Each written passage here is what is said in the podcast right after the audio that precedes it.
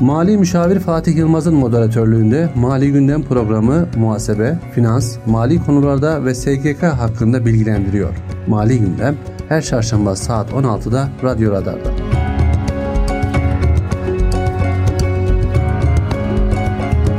Mali Müşavir Fatih Yılmaz'ın hazırlayıp sunduğu Mali Gündem programı başlıyor.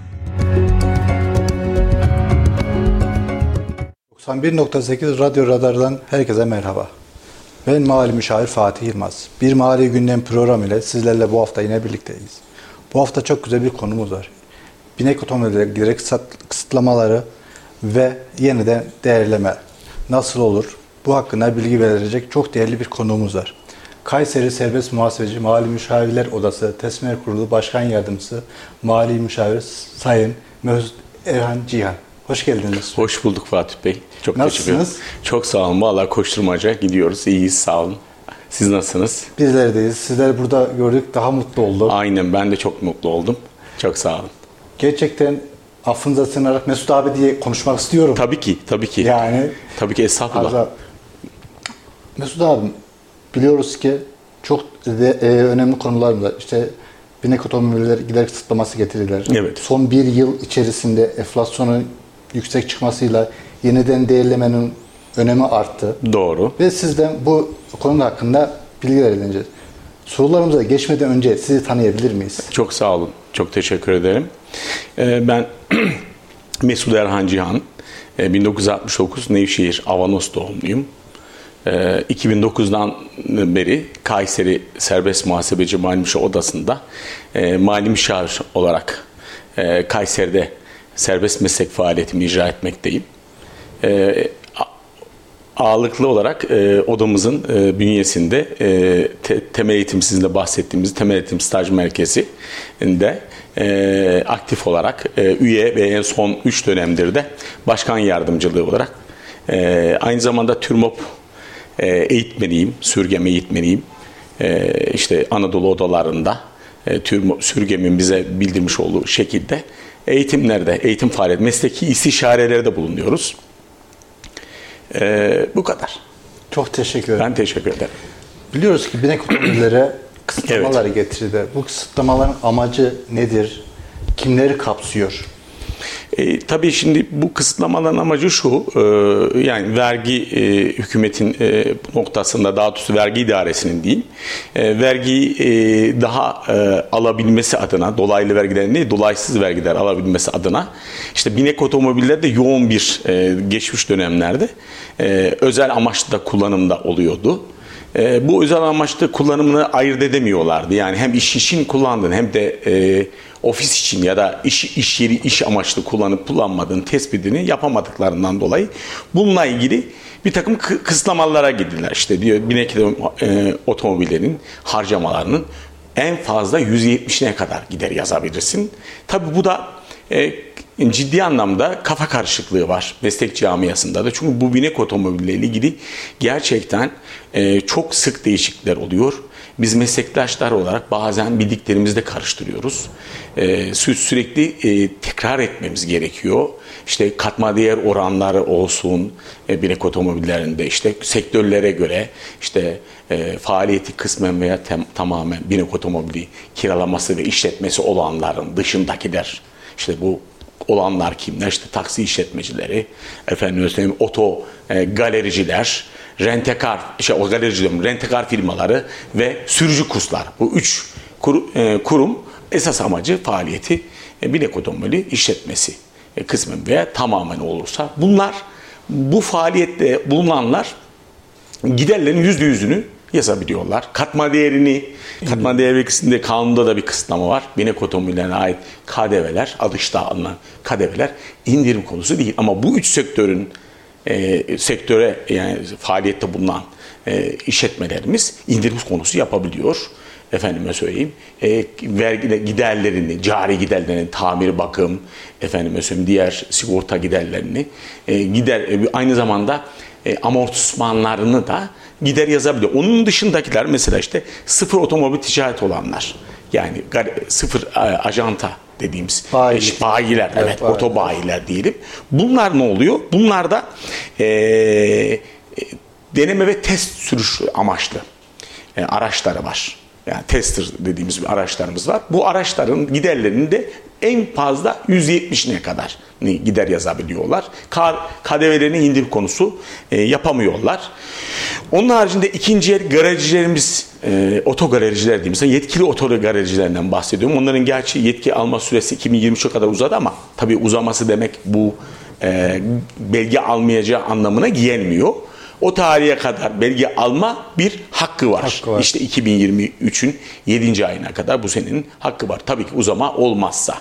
E, bu e, ticari mal niteliğinde bunlar sonuçta garajlerin e, ticari malı e, binek otomobil veya diğer kamyon, kamyonet yani satış faaliyetine göre, yetki belgesine göre e, bunların e, a, bu araçlara ait e, yani satış amaçlı almış olduğu ticari mal niteliğindeki olan araçlara ait Tabii ki cari giderler oluşuyor. İşte bakım gideri oluşuyor, e, efendim benzin gideri oluşuyor. Bunlar da e, en fazla 170'ine yakın e, şeyini gider yazabiliyorlar. Geri kalan kısmı nedir? Kanunen kabul edilmeyen gider olarak e, efendim telakki ediliyor. De Mesut abim en çok mükelleflerden bize soru geliyor işte evet. ya binek otomobillerinin KDV'sinde indirim konusu yapamıyoruz. Hatta meslektaşlarımız bile ya 2007'deki e, tepliğe atıfta bulunarak işte iki yıl boyunca e, bulunduğunuz aktifinde satarken KDV yüzde bir öyle bir uygulamalardan bahsediyorlar yani. Doğru. Bu bile oturtturamamıştık. Ya bu çok karışıldığı için evet. şimdi bir de sürekli takip etmesi gerekiyor. Ee, siz de e, aynı mesleği icra ediyoruz. Mali müşaviriz beraber. E, dolayısıyla takip etmediğiniz zaman bir taraftan e, takip edilmediği takdirde e, eski bilgilerle göre hareket edildiği için tabii ki sıkıntı e, doğuyor.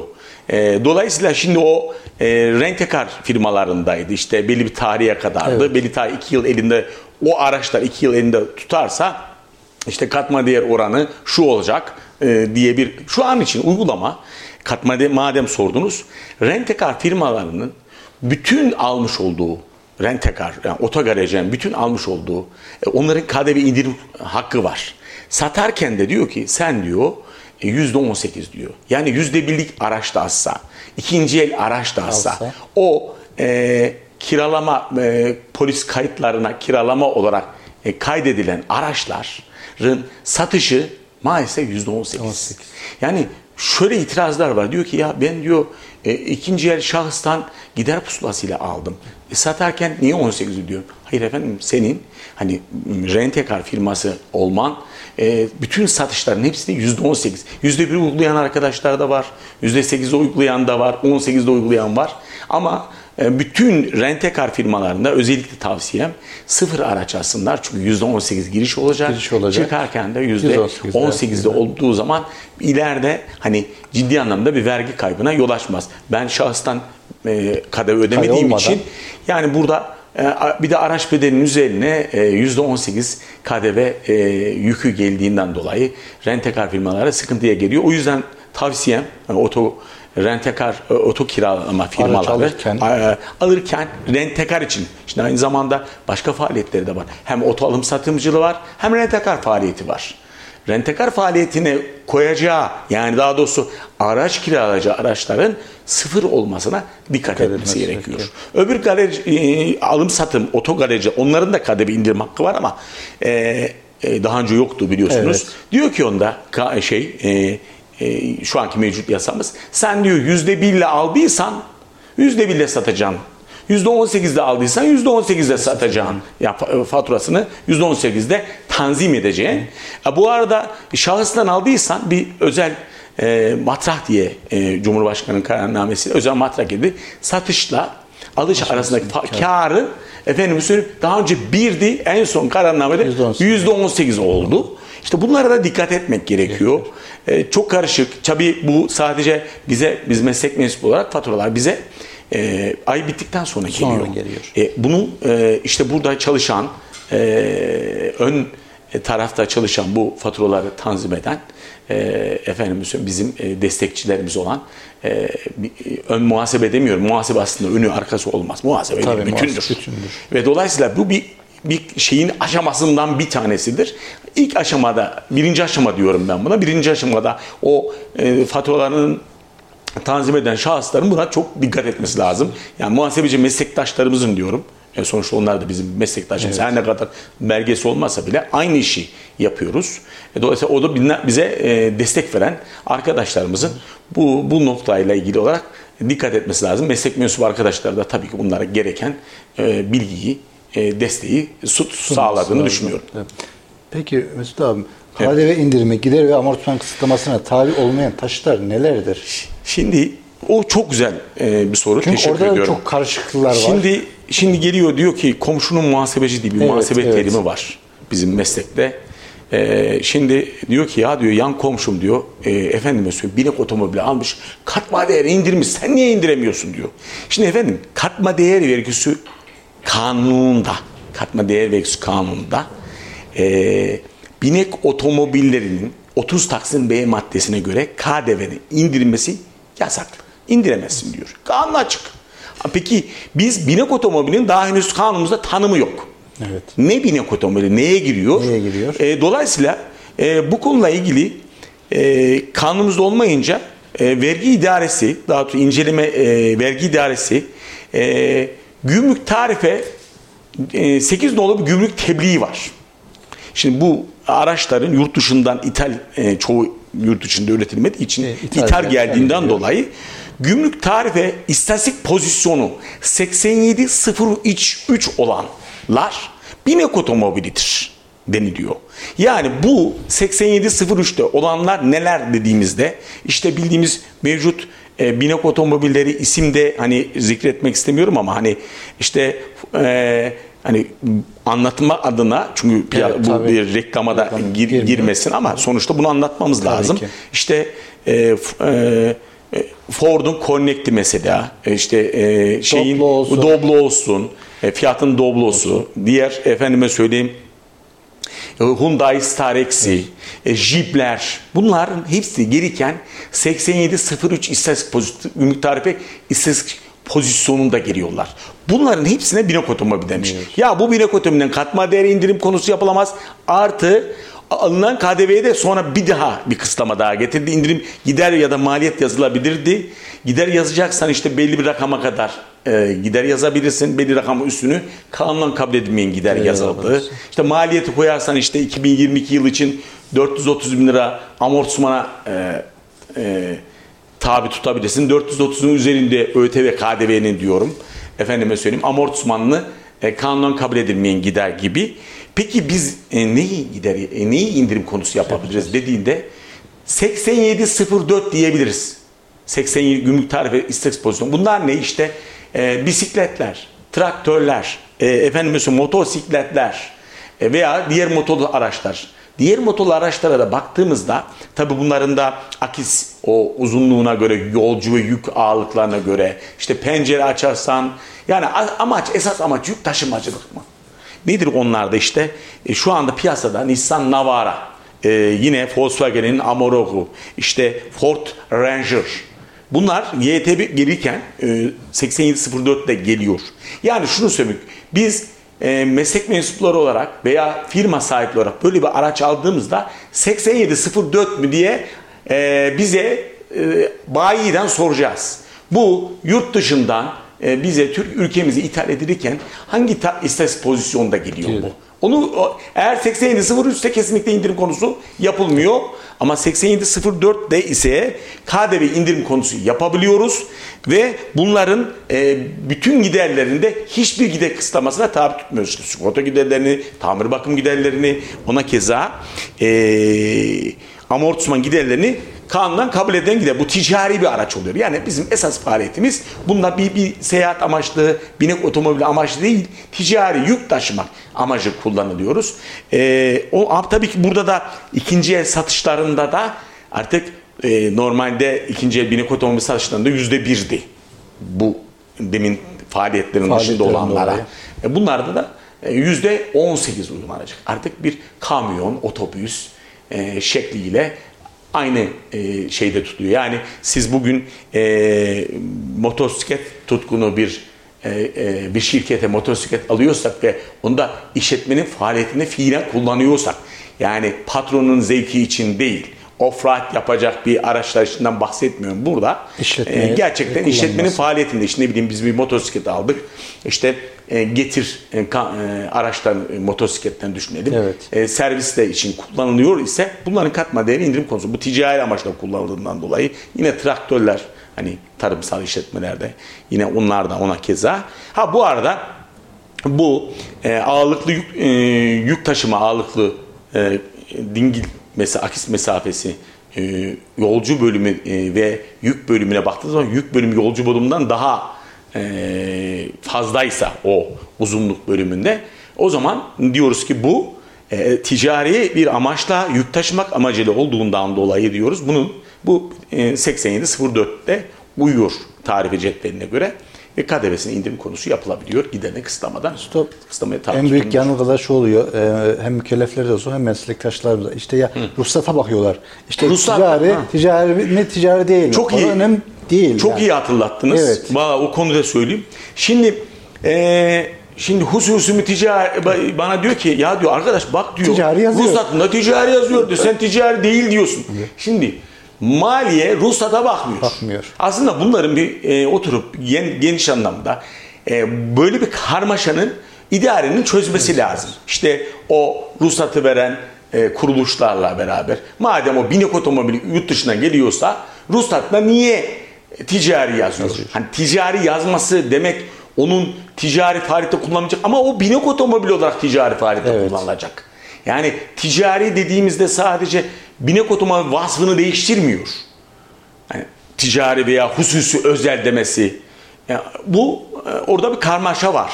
E, Biz ona bakmıyoruz. Ön- Biz şuna bakacağız. Bilmemiz gereken hani biz e, Kayseri Müşavir Odası'nda hap notlarıyla ünlüyüz. Evet. Müşavirler olarak. Hap notumuz şu olacak.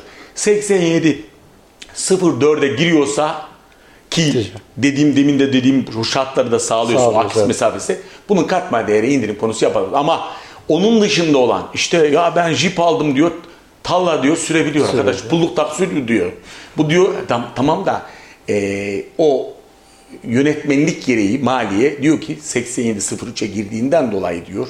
Sen tallaya da taksan o e, şeye 4 çarpı 4'e Dörde. Pullukta tallaya da sürsen Sen. mümkün değil de yani işin esprisi tabii. E, o onun diyor katma değeri o bir binek otomobildir diyor.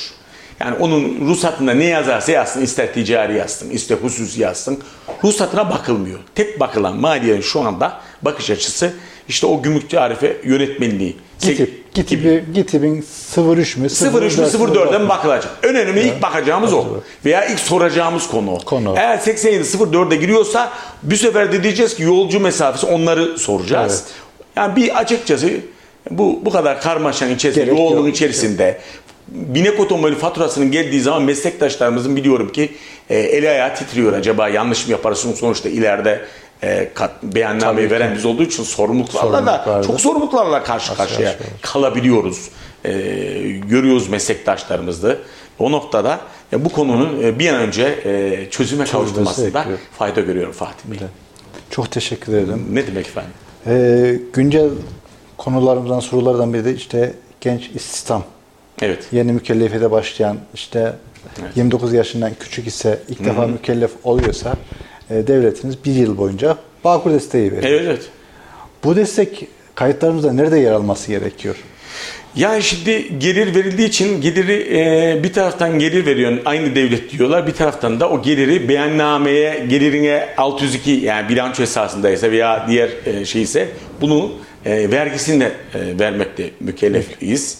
E, şimdi vergisini deftere kaydettik vergisini verdik ama diyoruz ki biz bunu ödendiği için e, beyannamede indirim konusu yapabiliriz. Yani ödenen yeni e, SGK yasasına göre biliyorsunuz.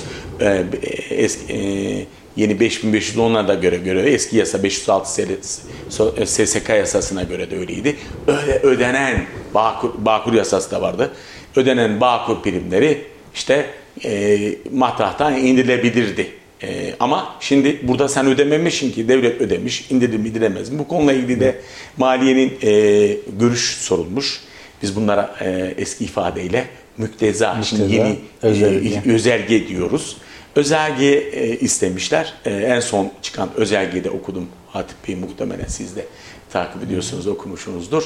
İndirim konusu yapılmayacak ama bu bir gelirdir. Evet. Yani sana e, devletin bir Sağladı. sübvansiyonudur, bu desteğidir. Dolayısıyla bunun da vergisi var diyor. Bir taraftan e, şey var, destek var. Bir taraftan da hasılat olarak kaydedip e, 602 eğer bilanço esasında olan bu e, e, genç e, girişimcilerde e, yapılan bahur desteğini gelir olarak e, mali idaresi telakki etmemizi istiyor efendim. Bir de Mesut abi yine güncel Evet. konularımızdan e, meslektaşlarımızın iki hafta kaldığı ama kanunun net olduğu işte e, yanımızda eşimiz çalışıyorsa ticari olsun serbest meslek erbaplarının yanında olsa bunlara bir ücret ödeniyorsa bunlar gideri yazılır mı yazılmaz mı? Şimdi burada da bir karmaşa var. Şimdi e, serbest meslek erbabının yanında fiilen çalışan eşinin e, ödenen ücretler, işte işveren payları, SSK işsizlik Yani burada payları. şunu hatırlatalım sigortası yapıldı ise diyelim yani. Fiili çalışıyor. Çalışıyor yani. Fiili çalışacak. SSK'sından SSK, bahsediyoruz. Evet. SSK'ya işe başlama. Ya- Fiili ama hani tabiri caizse alnı terleyecek, gelecek. Evet. Yani e, çalışıyor ise bunların e, serbest meslek erbapları açısından e, kanunumuz, geri veksiz kanunu 68. maddede bir kısıtlama olmamış. Dolayısıyla serbest meslek erbaplar için e, eş, yanındaki çalışan eşinin giderini yazabiliyor. Ancak ancak ticari kazançlarda bu böyle değil. Neden? Ticari kazançlar kanunda kanundan kabul edilmeyen bir giderimiz var. Yani, e, efendimiz bizi izleyicilerimiz, e, dinleyicilerimiz ve, e, ve e, izleyenler için diyor ki bu kanundan kabul edilmeyen gider ne? Devlet bazı giderleri geri vergisi kanunu ya da kurumlar vergisi kanunda da var. 41. maddesinde Ka- 40 maddesi kanundan kabul edilen gider olarak saymış. 41. maddede kanundan kabul edilmeyen. Yani bu giderleri siz yapsanız dahi ben ben bu bunları gider olarak görmüyorum. Vergi matrahına düşmeyeceksiniz, ilave edeceksiniz ve ondan vergi alacağım demek. Yani kanunen kabul edilmeyen gider. Gider. Yani yasa koyucu böyle bir e, düzenleme yapmış ve GVX Kanunu 41. maddesinde de ticaret ticaret kazanç sahipleri geri vergisi mükellefleri eşi fiilen de yanında çalışsa dahi ödediği sigorta giderlerini e, efendime söyleyeyim e, ücretini gider yazamıyor. Ancak bunlardan da stopajını alıyor Evet. stopajını alıyor. Alıyor. Stopajını da ödememizi istiyor. Böyle bir durum var. Ee, inşallah bu da düzelir. Çünkü artık e, hayat müşterek. Belki eşiyle beraber çalışan e, ticaret sahiplerimiz var. var. Bunlar için de ne yapmak lazım? Gerçek anlamda e, bunların da gider yazabilmesi lazım. En doğal olanı bu. Ha kurumlar var, şirketler, Evet. limited şirketler, anonim şirketler de eşlerimizi çalıştırabiliyoruz. Bunlar da diyor ki e, yani siz yanınızda çalıştığınız Bodrum'daki e, diğer işçilerle kıyas ettiğinizde emsallerine uygunluk ilkesine aykırı e, bir ücret olmasın. Hani işte yanınızda çalışan asgari ücret düzeyinde personellerin eşinize asgari ücretin 5 katı, 6 katı e, yapmayın. Ücret Servetin ödemeyin. transferini yapmayın diyor. Onu yapmazsa yaparsan kulağını çekerim diyor idare. Ama onu yap, yaptığın müddetçe e, yani uygunsa emsallen uygunsa bir sıkıntı yok. E, pek tabii ki gider yazabilir ama ticari kazanç sahiplerinde maalesef haksız bir durum var. İnşallah e, ilerideki e, bu konuları yetkililer, e, sayın milletvekillerimiz duyar. Bu konuyla ilgili kanun teklif verir, düzeltir diye Düzelt. e, ümit ediyoruz. İnşallah. Ee, izleyicimizden gelen sorular var. Tabii. Ee, 16.08.2020 tarihinde e, yayınlanan bir resmi gazetede yönetmenlik var. Evet. İkinci el araç. Evet. Bunu bir açıklar mısınız? şey e, ikinci el motorlu kara taşı ticaretiyle uğraşanların işte şimdi piyasada ciddi anlamda manip, manipülatif faaliyetler var ve araç fiyatlarını e, uçuruyor. E, ne yapıyorlar? Araçları alıyorlar hemen e, gidiyorsunuz siz e, bayide bulamıyorsunuz ama gidiyorsunuz galericilerin e, hep sıfır araçlarla dolu. Plaka yemiş daha işte bin e, sahibinden koma bir gidiyorsunuz bin kilometre bin, e, daha az araçları. E, ve e, pi- e, piyasa değerinden e, yani Daha bayi fiyatından daha yüksek fiyatlarda e, araçlara e, karşılaşıyorsunuz. E, bayiye gitseniz bayide alacağınız e, e, 600 bin liralık bir aracı e, aynı aracı 1000 liraya 1500 liraya piyas şeyde sahibinden komda var. E bayide yok diyor. Ya da var diyor işte 3 ay sonra gelecek, 6 ay sonra gelecek. Bir sene sonra gelecek. O zamanki fiyattan ne olacağı belli değil. Döviz var. Şimdi siz döviz diyorsunuz. E, bir depozito yatırıyorsunuz. Belli bir miktar size yatırmanız istiyor ama o zamanki kurdan veririm falan. Ya ben onu bekleyeceğim ya belki kurlar artarsa diyor. Gidiyoruz bu şeyi. O yüzden hükümet buna e, hemen el attı sağ olsun. İşte diyor ki otogalericiler yani e, şeyler yetkili baylı araç kiralama firmaları ticari faaliyetle e, e, bu oto alım satımıyla uğraşanlar e, otomobil ve arazi taşıtlarının pazarlamasını veya satışını ilk teşhis tarihine itibaren efendime söyleyeyim 6 ay ve 6000 kilometre e, geçmedikçe iki tane şart var. 6 ay geçecek, ilk teşhirden itibaren 6 ay geçecek ve 6000 kilometre geçecek. Ne zamana kadar? 1 Temmuz 2023'e kadar satamaz. Satamaz. Peki o 2023 tarihinden itibaren tekrar bir uzatma yetkisi de var. Uzar 6 ay daha uzatma yetkisi var. Ya yani buradaki düzenlemede e, ticari fabrika kapsamında araç satanlar var. Ama şahıslara böyle bir kısıtlama yok. Şahıslara da şimdi bakıyorsunuz sahibinden.com'da bir devlet memuru 300 tane araç alıp satmış. Ya sen artık tüccar olmuş. Tüccar olmuş devlet memurunu bırakacaksın. istifa edeceksin, gideceksin sen. Hem devlet memurluğunu bırakmıyor hem işte oradan sahibine araba alıp satıyor. Ticarete falan. devam ediyor. Çift hep ticarete devam ediyor. Şimdi e, Sanayi Bakanı diyor ki 3'ten fazla olanları maliye bildireceğim. Halbuki aslında e, ticari faaliyet e, yani sınırı gerçekten organize olarak bunun devamlı mutat anlamda alım satımıyla birden fazla. Ha, bu iki, ikinci araç bile gerçekten bu amaçla ise iki araç giriyor. ticari faaliyet. Ticarete. E, tamam hadi 3'e kadar ne hissediyor? 3'ü geçince e, şey yok. Hani 3 3 tane araca da şahıslarda sıkıntı yok. Hani diyelim ki bu e, şahıslar için böyle bir şey yok ama 3'ü geçtiyse ve yaptıysa ciddi anlamda bu e, e, satış yapanlara e, ve yaptırım bir ara 400 bin lira yakın, 300-400 bin lira yakın ceza e, öngörülüyordu ama şu anda o rafa kalktı galiba. Ama yine bir bakanlık tarafından bir ceza kesilecek. E, bu e, o yüzden 3'ten fazla araç satanlar için de e, bu konu e, ileride vergi mükellefi olmaları ve bu tür ceza ile karşılaşmaları var. O yüzden 3'ten fazla bu tür e, şeylere yani yeni araçlara girilmesin. E, ben şeylere baktım ilk etapta bu e, yasa çıktığında sahibinden.com'daki araçların hepsi 6001 kilometre oldu. Onları da toparlamışlar. Çünkü ya bu bir hile var yani. 6001 nasıl, nasıl oldu yani oturduğunuzda. Hatta e, araçlar şey olsun diye taksicilere falan veriyorlarmış. Taksi hizmetindeki kilometre atsın, Yapsın satalım diye. anlamında diye. Yani ciddi anlamda bu, bu konuda e, bir şey var. E, yani çalışmalar var. Fiyatların artması noktasında bir takım araba ihtiyacı olanlar var. Bu işten de aşırı rant sağlayacakları var. İnşallah hükümetimiz buna gerekli önlemleri alıyor ama sonuçta her önlemden sonra bir başka yol çıkıyor. Hepsine bir yol bulmak, hani e, yeni çözüm Evet. bulmak zorlaşıyor. Zorlaşıyor. E, burada e, düzenlemede mesela aracın garajıya götürmek, yani illa garajın kendi mal değil. Yani buraya işte biri emanet konsinyeye getirdi deseniz de o kısıtlama 6 ay 6 bin kısıtlamasına tabi. Onun haricinde e, başka e, internet sitesinde, web sitelerinde e, pazarlanmasa da bile e, bu noktada bir kısıtlamaya tabi. E, ona dikkat etmek lazım. E, ama tabii bu bir önlem, çözüm mü? E, yok yine bir yolu bulunuyor işte e, maalesef. E, bu noktada bir araç fiyatları ciddi anlamda hala artmaya devam ediyor. Maalesef işte bir geçici olarak e, bu çözümü getirdiler. Evet. Abi işte 1 Temmuz geçtikten sonra ne olacak? Tekrar e, fiyatlar tavan mı yapacak? Yoksa aşağı mı düşecek? Göreceğiz. İsterseniz bir kısa bir ara verelim, bir soluklanalım. Tamam, Kaldığımız yerden devam edelim. tamam siz bilirsiniz. Evet 91.8 Radyo Radar dinleyicileri kısa bir aradan sonra tekrar buradayız. Şimdi May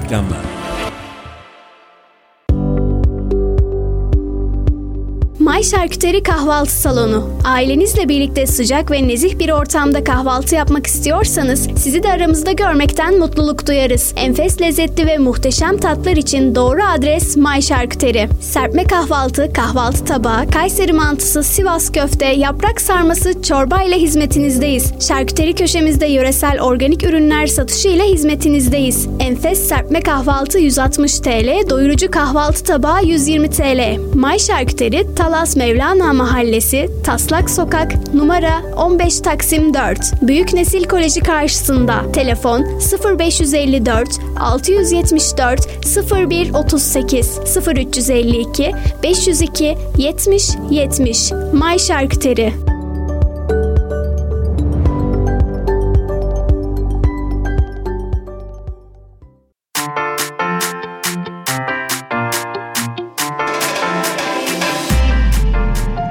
Efe Gross Toptan ve Perakende Market. Her zaman ucuz, her zaman kaliteli. Evinizin her ihtiyacı için bir Gross yeterli. Tüm Kayseri halkının kolay ulaşıp güvenle alışveriş yapması için şehrin her yerindeyiz.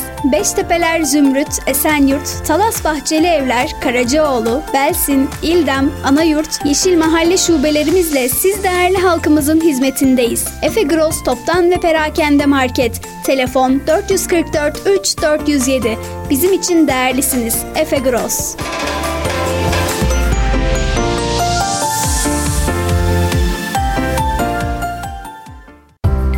Neotek, kurumsal çözümler. Binalarınız için merkezi uydu sistemleri, görüntülü diyafon, işletmeleriniz için güvenlik kamerası, hırsız alarm sistemleri. Gözünüz arkada kalmasın. Adres Sahabiye Mahallesi, Örnek İş Merkezi, kat 4, numara 404. Telefon 0352 220 44 33. Bir imza düşünün. Olduğu her yere değer katan, hayat veren. Hayalleri gerçeğe dönüştürürken memleketin her karış toprağına güçlü projelerin temelini atan bir imza. İlkleri yaşatan aynı imza şimdi sizleri yeni projelerine davet ediyor. Bu imzayı tanıyorsunuz. Çünkü 5 yıldır olduğu her yerde farkını yaşıyorsunuz. En iyisini isteyenler için değeri her geçen gün artan yaşam projeleri Grup Avenir güvencesiyle Yozgat ve Kayseri'de. Ve kırtasiye ihtiyaçlarınızın hepsi uygun fiyatlarla Vizyon Kitap Evi'nde. İlk öğretim ders kitapları, AYT, TYT hazırlık kitapları, güncel kitaplar, dünya klasikleri, çeşit çeşit kırtasiye ürünleri ve çok daha fazlası Vizyon Kitap Evi'nde. Vizyon Kitap Evi, Meysu Outlet'te. Tekden Hastaneleri bilgilendiriyor. Meme kanserinden erken teşhisle kurtulmak mümkündür. Hiçbir yakınma olmasa bile 20-40 yaş arası kadınların 2 yılda bir kez, 40 yaş üzeri kadınların yılda bir kez meme muayenesi olması önerilmektedir. Tekden Hastaneleri bilgilendirdi. Sen de hayatın dolu dolu tat Aç bir meysu dolu dolu hayat Sen de hayatın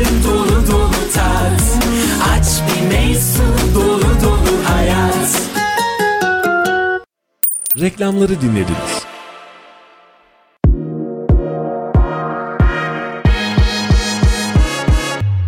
Bölgenin en çok dinlenen radyosunda kendi markanızı da duymak ve herkese duyurmak ister misiniz? Markanıza değer katmak için bizi arayın. Radyo Radar reklam attı. 0539 370 91 80.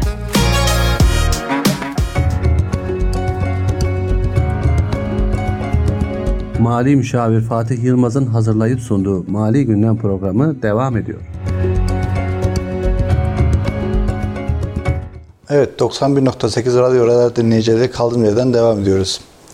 Müslü abim e, Servirent altı parmak hocam da yazmış selamlar göndermiş. Çok güzel bir program demiş. Aleyküm selam. Biz de buradan, Biz de selam söylüyoruz. Biz de buradan kendilerine selam Bizi iletiyoruz. izleyenlere, bütün e, dinleyenlere Dinleyelim. buradan selamlar Selam olsun. veriyoruz. E, merak ettiği sorular da varsa tabii ki, Tabii e, ki bekleriz. yazabilirler. Aynen yani. öyle. Evet.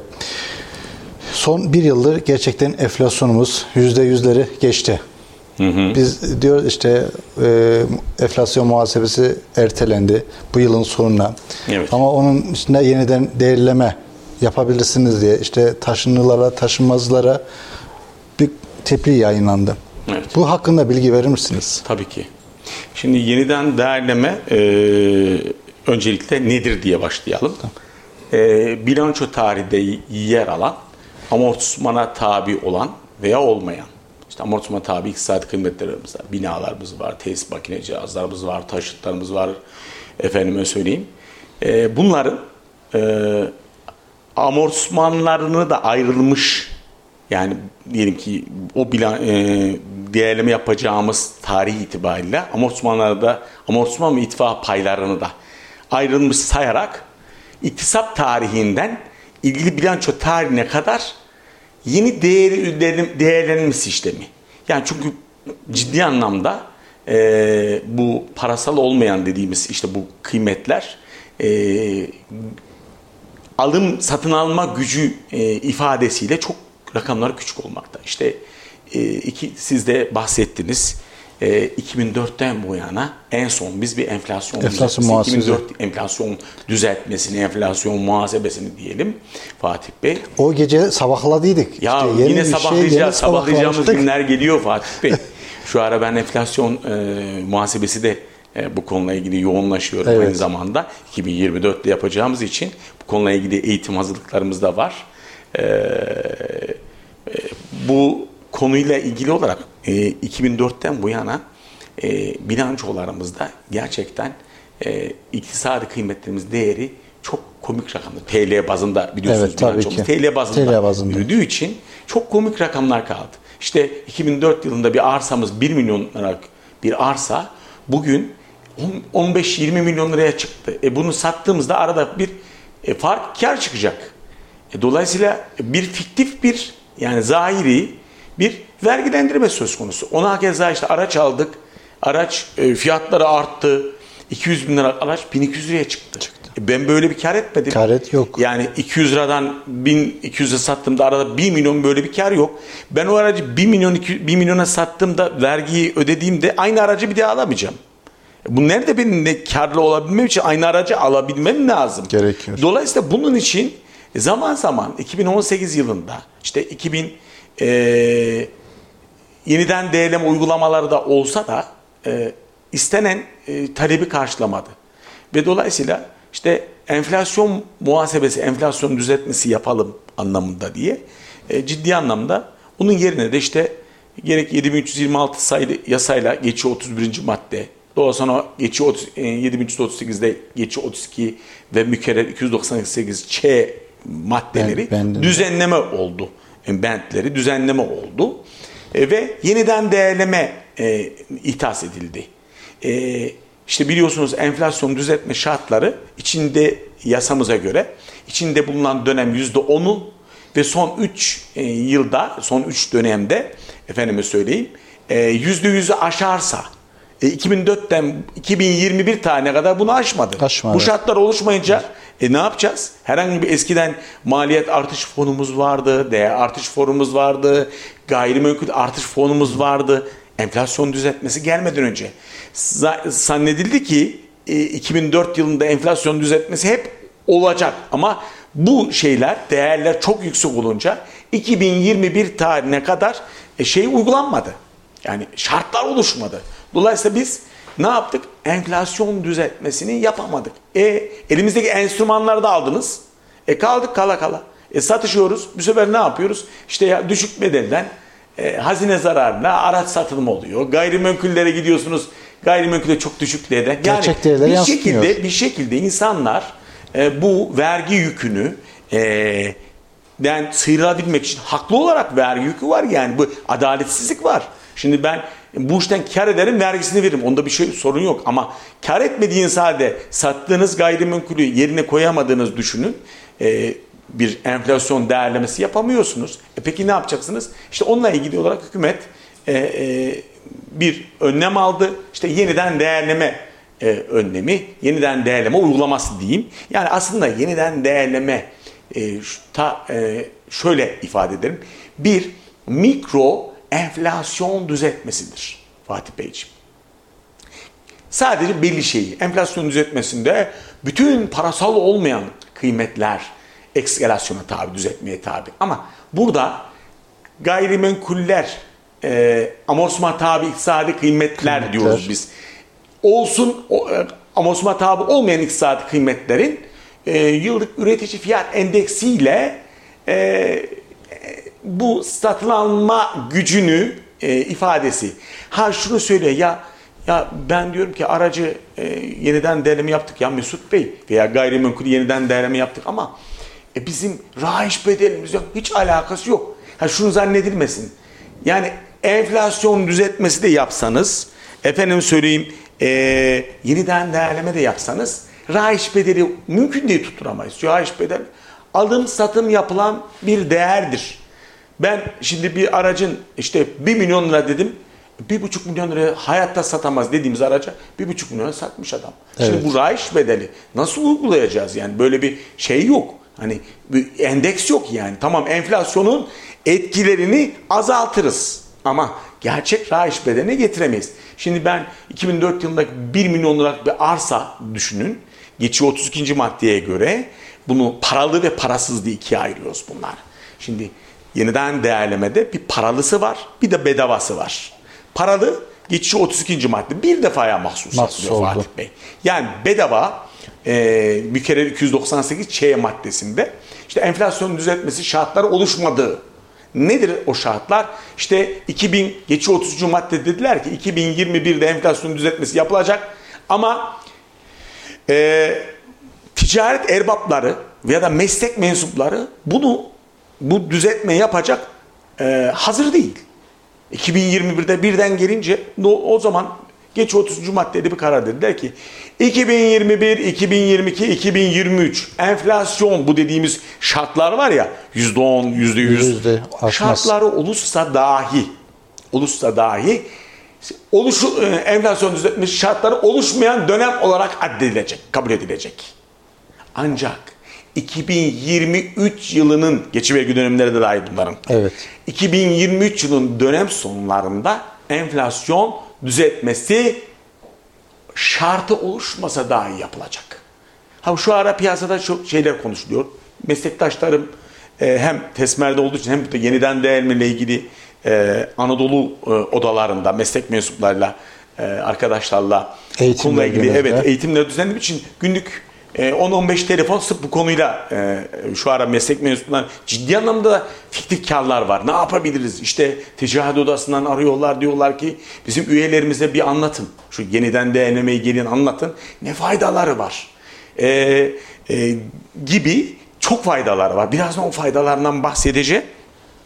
Şimdi e, bana göre bu yüzde on, yüzde yüz ya 2004'ten 2021'e haline kadar oluşmaması şartların çok ağır olduğunu gösteriyor. Niye bu böyle kendimize yüzde on, yüzde yüz koyuyoruz ki? Bırakın serbest bırakın. İnsanlar ihtiyar olarak yapabilsin. Yapabilsin. Neden böyle barajlar koyuyoruz? Bırakın e, e, mükemmel ihtiyar hali olsun. İsteyen uygulasın, isteyen Fatih Beyciğim Uygulamasın. uygulamasın. Çünkü sonuçta e, bu enflasyon işte bana soruyor yeniden değerleme yapmalı mıyız, yapmamalıyız. Paralı mı yapacağız, parasız mı yapacağız? Ya şimdi bu bir vergi planlamasıdır. Mali müşavirler bu konu üzerinde esas tamam beyanname dolduruyoruz, defter tutuyoruz falan filan ama bu bizim işimizin bir yönü. Ama esas yönümüz biz vergi planlaması yaparız.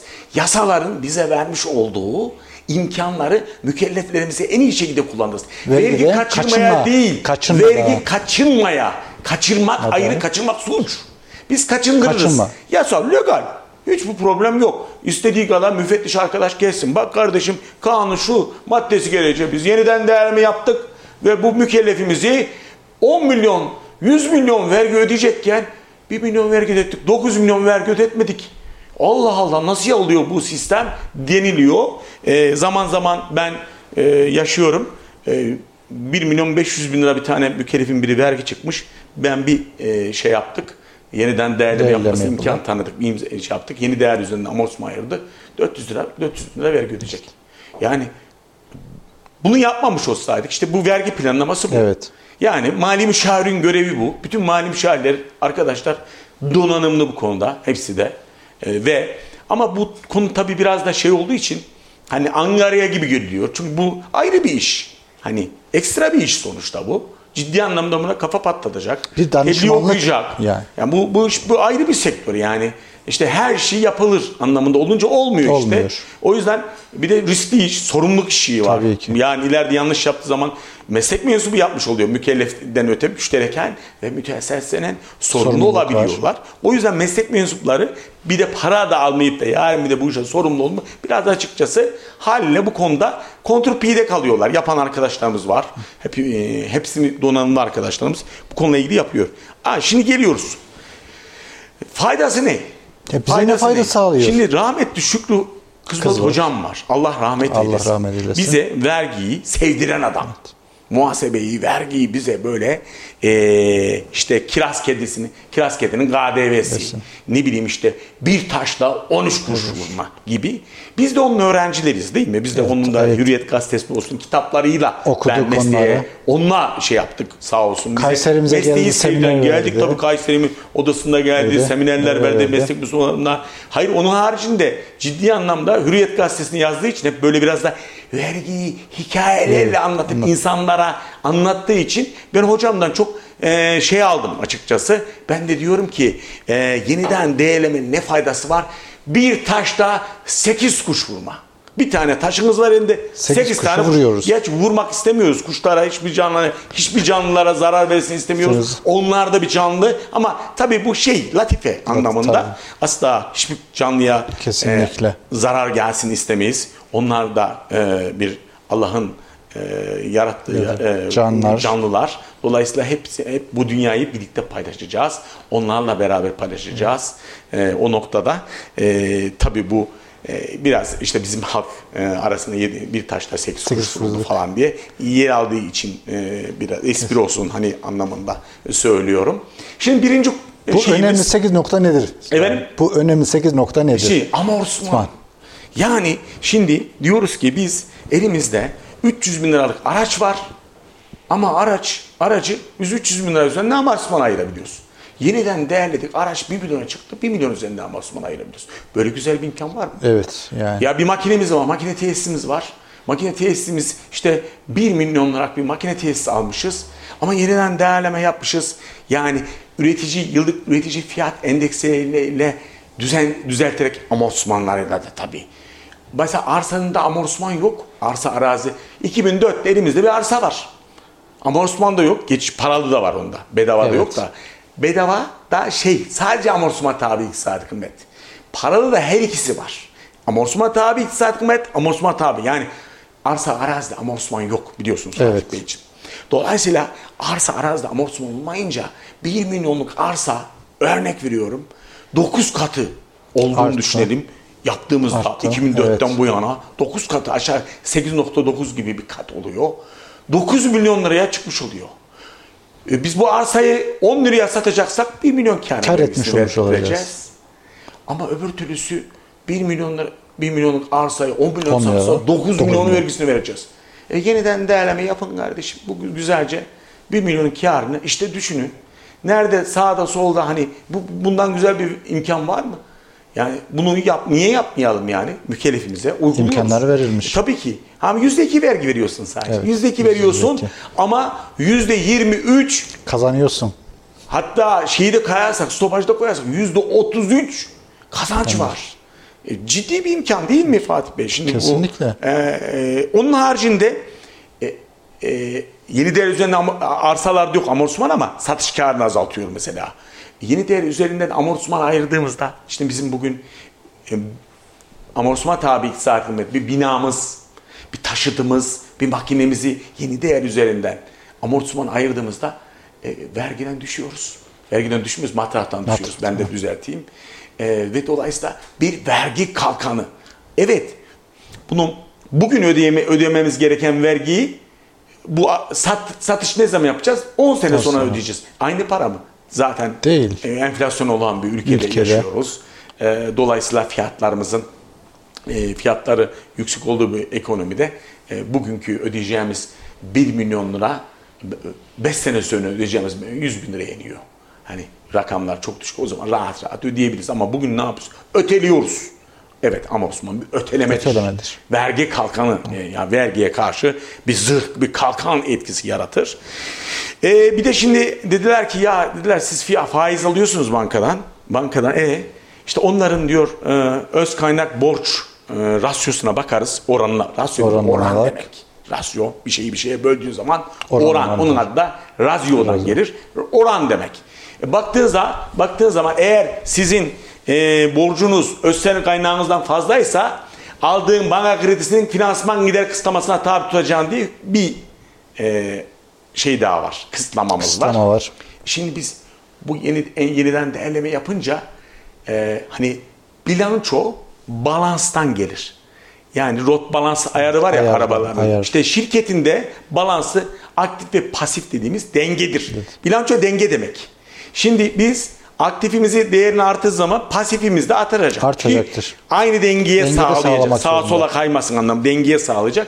Bu da öz kaynaklar altında yeniden değerleme artış fonunu öz kaynaklar altında şey yapıyoruz, kaydediyoruz, muhasebeleştiriyoruz. Dolayısıyla öz kaynaklarımızı ne yapıyor? Artırınca Artırıyor. o borç öz kaynak dengesini değiştiriyor.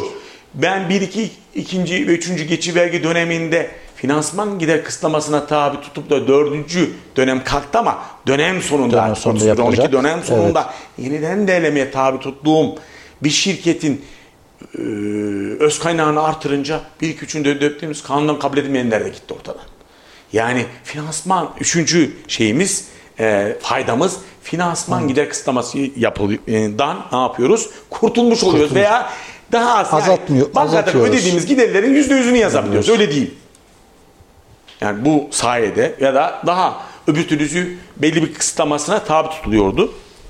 Bir de işte örtülü sermaye var. İşte ortakların şirkete para veriyor Para vermesi. ve diyor ki işte o e, dönem sonu öz sermayenin işte belli bir tutarını aşarsa İşte üç örtülü katın- sermaye üç üç katını aşmayamayacak açılınca. karşıda aşan kısmına ödediğiniz faizler kanundan kabul edilmeyen gider diyordu. E bizim e, her ne kadar dönem başı sermayesi e, ifade etse de 2022 için değil 2023 için sonuçta bu yapmış olduğumuz dönem başı sermayesi olacağı için örtülü sermaye e, den e, kurtulmuş oluyoruz. Katkı ediyor. Orada da bir katkı var. İşte bir de öz sermayemizi artırmış olduğu için işte Serbülent Bey de finans, e, danışmanı olduğu için danışmanı. onlar mesela ne yapıyor? Ya Mesut Mesut abi der yani Serbülent benim kardeşim. İşte bu öz sermayenin kredibilite olabilmesi için öz sermayenin güçlü olması güçlü lazım. olması gerekiyor. İşte Serbülent sana yeniden değerleme yaptık. Öz kaynağını arttırdık Arttırdık. kardeşim. Sen git artık bankalara var. Göğsünü gere gere kredi iste çek. kardeşim diyoruz mesela. O da kendisi de tavsiye ediyor.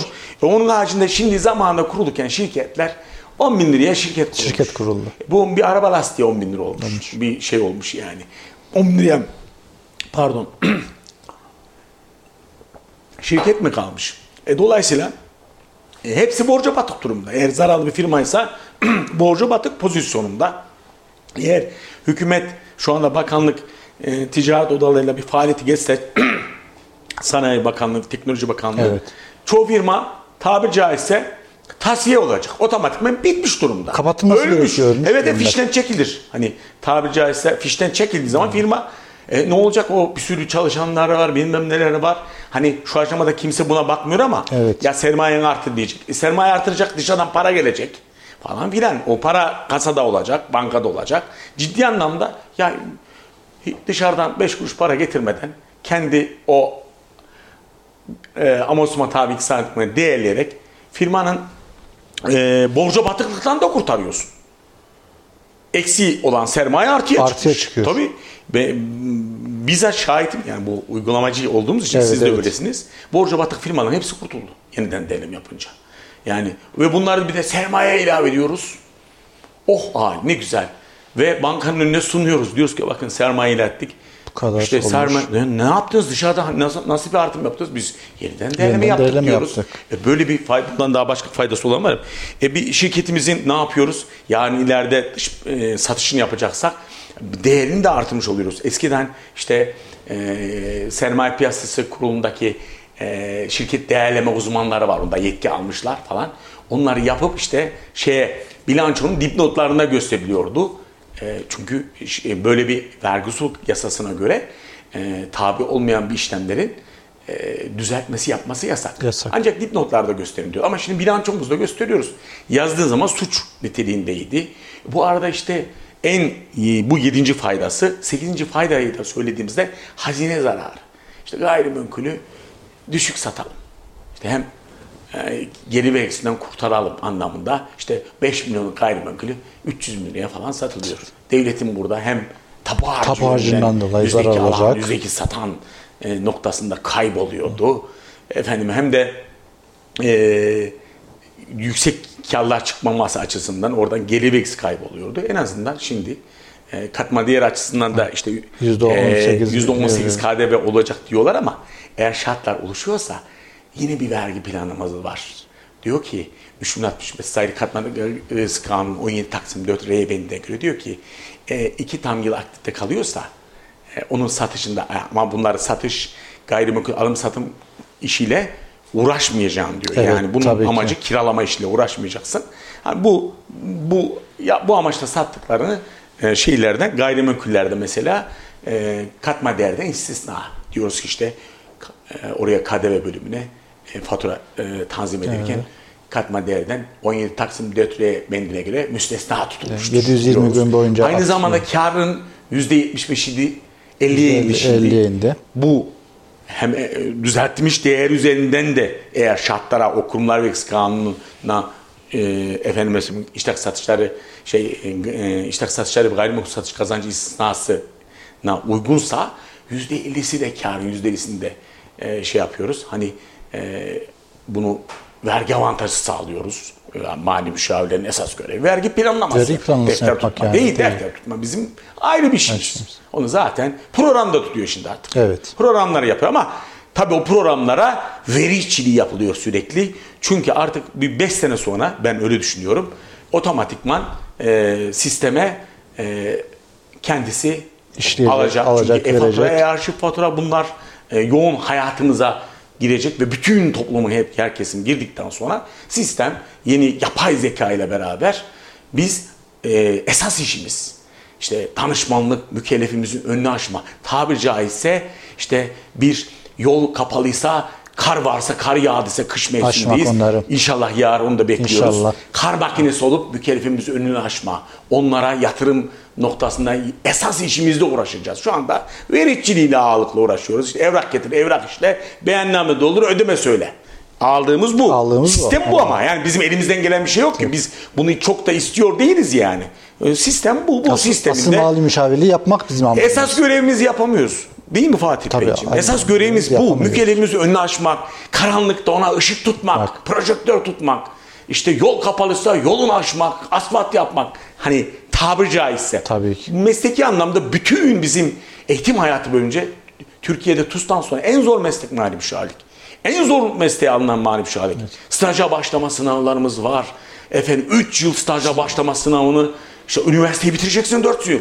Bitirdikten sonra staja başlama sınavına gireceksin. E, hadi kazandın 3 sene bir mali müşavirin yanında Yanında staj ya da bir yapacaksın. gözetim ve denetiminde bir mali müşavirin staj yapacaksın. yapacaksın. Bitmedi. Bir sefer klasik sınav Tamam. falan. Yani neredeyse e, şu anda Türkiye'nin e, TUS e, e, tıpta uzmanlık Evet, sınavına e, kıyas yapacak olursak ondan daha bana göre e, ona yakın e, çünkü ciddi bir de bir süreç var. Bir ikinci sınav hani karşılaştırma demeyeyim Evet. de bizimki de ağır. O da, o da tabii ki kendine göre zor bir sınav. E, mesleki anlamda Ve sürekli çok zor süreçlerden geçiyoruz. kanunlar, Ciddi eğitimlerden tedbirler. kanunlar sürekli değişiyor. Onları takip etmek pozisyonda olan mali müşavirler esas işlerini yapacak mükellefine e, bu vergi planlaması yaparak vergi kaçınmayı sağlayacak e, ve onun işini daha iyi işte nakit bütçesine yardım edecek bütün akışlarını firma kar ediyor ama batmış. Neden? Nakit aşığını iyi yönetememiş. Ve işte e, bunu kim yapıyor? E, ben e, işte Anam babamdan öğrendiğim eski işlerim var. Biz işte dedem bana böyle öğretti ama olmuyor işte piyasa, küresel piyasa, dünya konjektüründe bunu artık e, profesyonel mali müşavirlerin, profe- profesyonel finansçıların e, bu işletmelerde yer alması lazım. Aktif yer alması lazım. E, bir veri işçiliğinden gerçekten danışmanlığa e, yol açacak bir zamanı bunu geliyor. e, diye düşünüyorum. Ya Peki o şeyden e, Mesut abim işte Efendim? tali yoldan otobana çıkarmak. aynen öyle. Aynen Otobana öyle. çıkarmak yani. Aynen öyle. En kısa yoldan. En kısa yoldan. yoldan. Evet, otobana. Hayır, e, böyle e, legal olmayan, illegal olmayan, ille- illegal olan şeyleri, illegal olmayan şeyleri mükellefin önüne sunmak e, devleti yarın bir vergi incelemesinde tamamen bütün e, yasaların uygun şekilde e, güzel bir şekilde vergi matrağına ulaşması, o işletmenin önüne açılması noktasında meslektaşlarımız o bilgi donanımına, e, o eğitimlere, zorunlu süreçte eğitimlere ve sınavlara hazır bir şekilde e, lisanslarını almış ve e, e, bu konuda donanımlı olduğunu bir, bir defa daha belirtmek isterim. Belirtmek gerekiyor. Yani bunda e, tabii ki her şey her bedelin bir karşılığı olması gerekiyor. E, kesinlikle yani. Biz profesyoneliz, biz hayır iş değiliz, biz vakıf değiliz. Bu işi ailelerimizi, mali müşavirlerin de ciddi e, angaryalarla boğuşuyoruz. Her angarya, her mükellef yapacağı dediği kişi, yapacağın kişi ma- mali müşavirdir. Yani çünkü Yani mükellef yapacak diye yasa çıkar hiç bizim adımız çıkmaz. Evet, çıkmaz. Mükellef bunu halledecek. E, mükellef nerede halledecek? Sonuçta mali müşavir Mali mali, halleder. Hani bir tanesini yazmaz mali müşavir halledecek diye. Ama ya siz ne iş yapıyorsunuz? Ya bütün işleri biz yapıyoruz. Bütün Ankara işleri bizim sırtımıza yüklenmiş. E, aynı zamanda işte veri içiliği yapıyoruz. Mecbur beyanname yapmamız lazım. Kurumlar, e, istatistik, TÜİK bir ayrı işler. sanayi Mesela bu, e, yeni bir şey geldi çok şükür. İşte biz işe başlama şirket kuruyoruz. E, maliye götürüyoruz, bilgini veriyoruz. İşe başlamayı bildiriyor. Evet. Veya nevi, nevi değişik yapıyoruz şirketin. E, 546 nolu tebliğiyle geldi. E, şimdi vergi dairesine arıyoruz bir de bana ver diyor. Ya işte ticaret odalarına yetki verdiler. Söylüyorduk yasada ama Allah çok şükür mali idare bu konuyla ilgili bir genel tebliğ düzeyinde 546 nolu bir tebliğ düzenledi ve dedi ki artık mali müşavirlerin yani firmanın görevi değil. Değil. Şirket kurduysa ticaret, sicil, müdürlükleri vergi dairesine bildirecek. Vergi dairesi artık bundan sonra mükelleften yani dolaylı olarak mali müşavirden aynı evrakları istiyoruz. Ya yeter yani ne gerek var kardeşim. Keşke SSK, TÜİK diğerleri de aynı böyle şekilde olmuş Yapsa. olsa. İşte gidiyor Amerika'ya gidilir 5 dakikada şirket kurulurmuş. Oturuyor musunuz? Çayınız kahvenizi çekin. Şirketiniz hazır. Ne vergi dairesine gitme var, ne SSK'ya gitme var, ne Bağkur'a gitme var, ne şuraya ne buraya. Otomatikman sisteme Tek- gidiyor. tek yerden her Tek şey, bir yerden tek yerden ya. Tek halloluyor. ticaret odasına gidildi kuruldu. Düğmeye bastığı zaman bütün kurumların önünde olsun aynı anda ekrana girsin. İşkura ayrı bilgi verilsin şuraya. Ya ne gerek var? Yani bunlarda artık e, şey etmemiz lazım. Bu Zaman harcattığı angaryalardan, bu gereksiz bizi e, e, toksik e, e, şeylerden e, yapılan Kurtulmamız- işlemlerden kurtulmamız bizim lazım. meslek camiasının kurtulması lazım.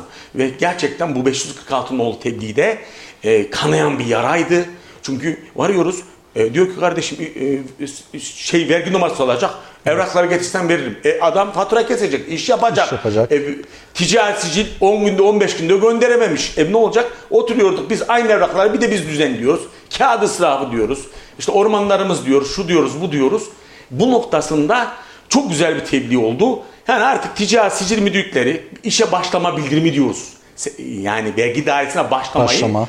biz şirketi kurduğumuzdan itibaren artık ofisimize veya ticarethanemizde şirketimiz geldiğiniz andan itibaren vergi dairesinde bildirim zorunluluğu şey. Ticaret Ticaret, sicil müdürlüklerinin e, bunu diğer e, kurum ve Kurumlara da- kuruluşlardan da şiddetle beklemekteyiz. İşte orada biraz e, SGK'ya da oldu.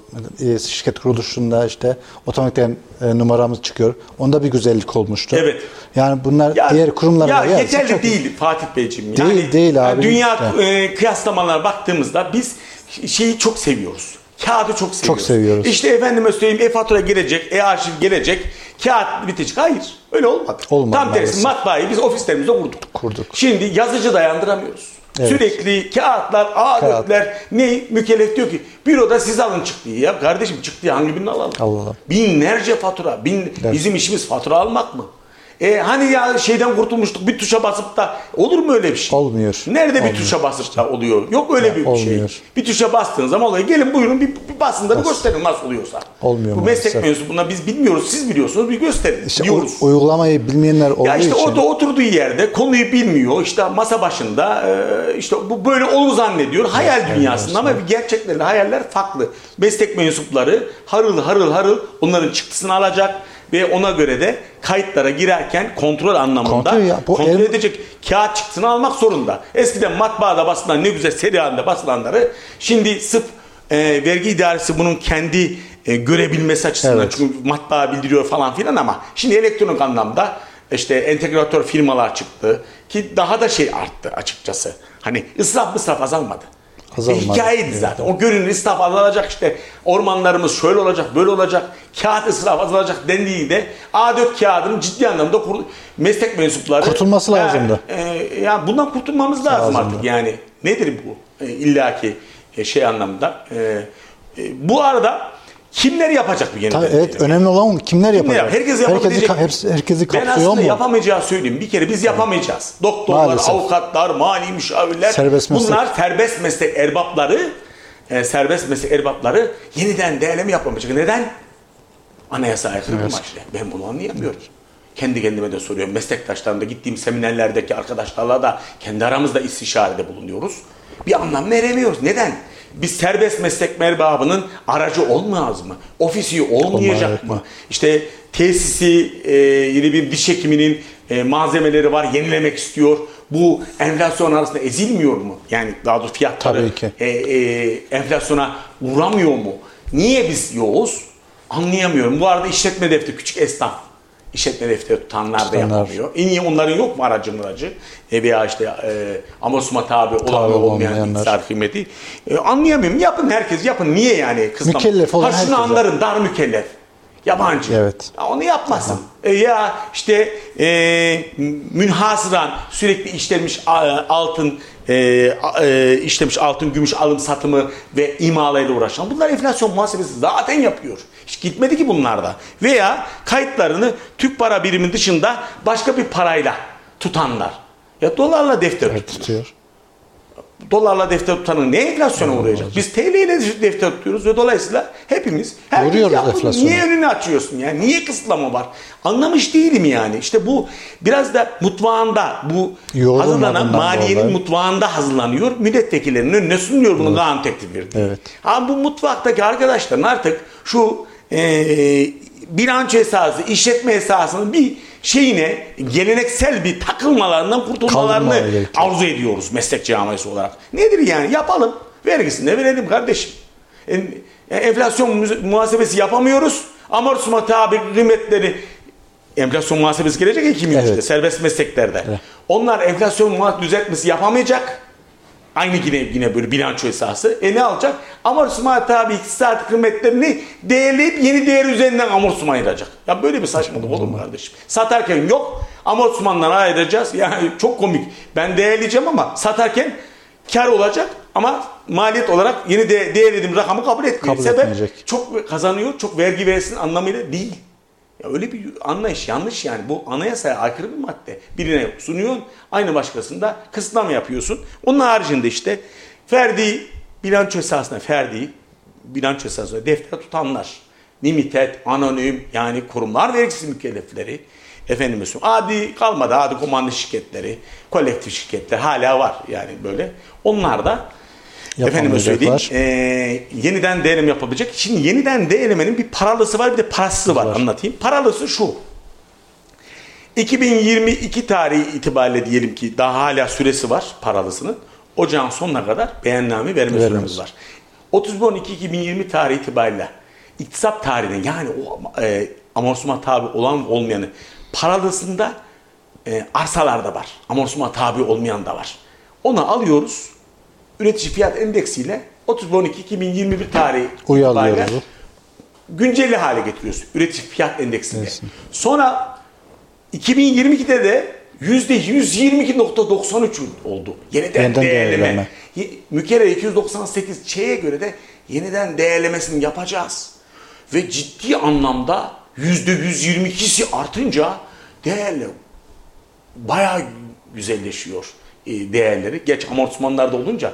Ha şu var.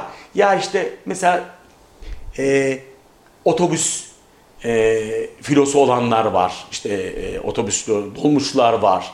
Ya geçmiş amortisman süresi bitmiş. Bitmiş, E, itfaiye elinde payı 300 bin liraya, 400 bin liraya, 500 bin liraya. E, şimdi satsa 3-4 milyon lira ciddi kar çıkacak. Ne yapacak? Bir şey yok.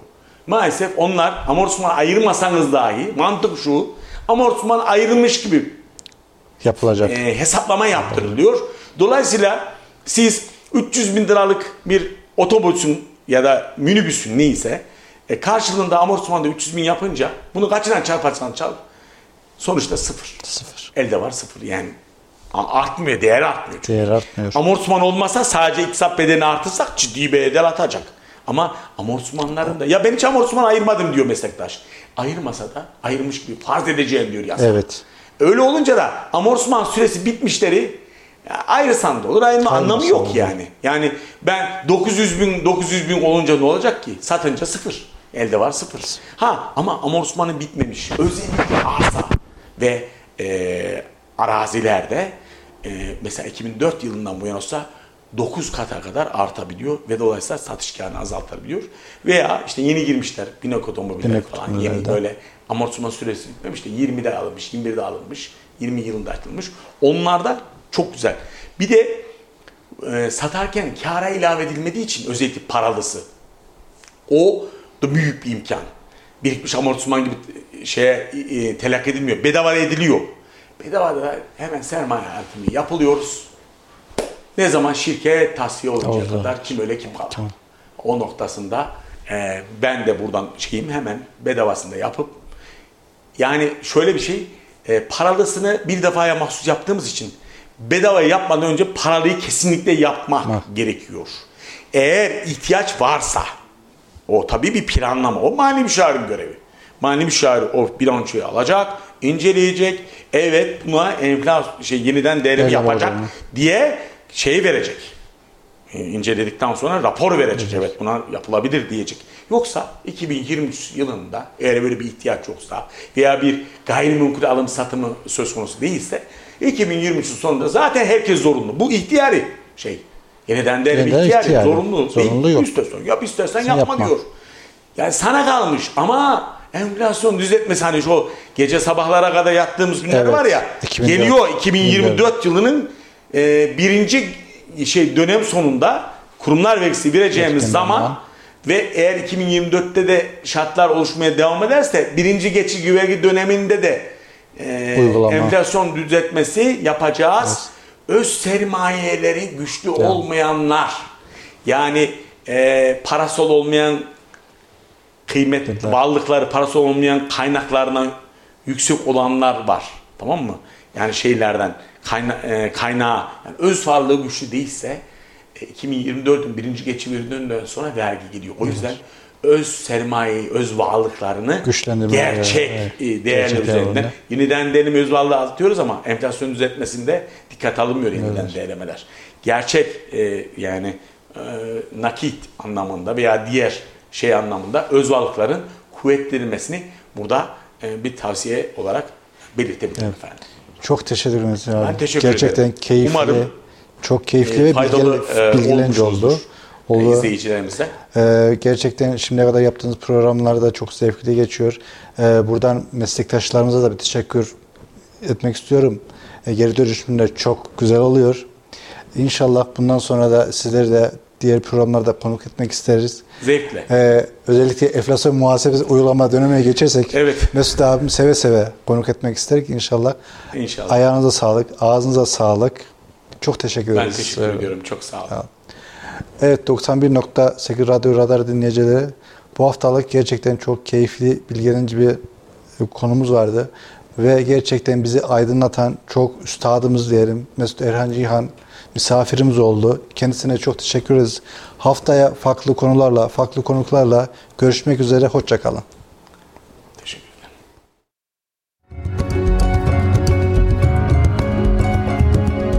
Mali Müşavir Fatih Yılmaz'ın hazırlayıp sunduğu Mali Gündem programı sona erdi.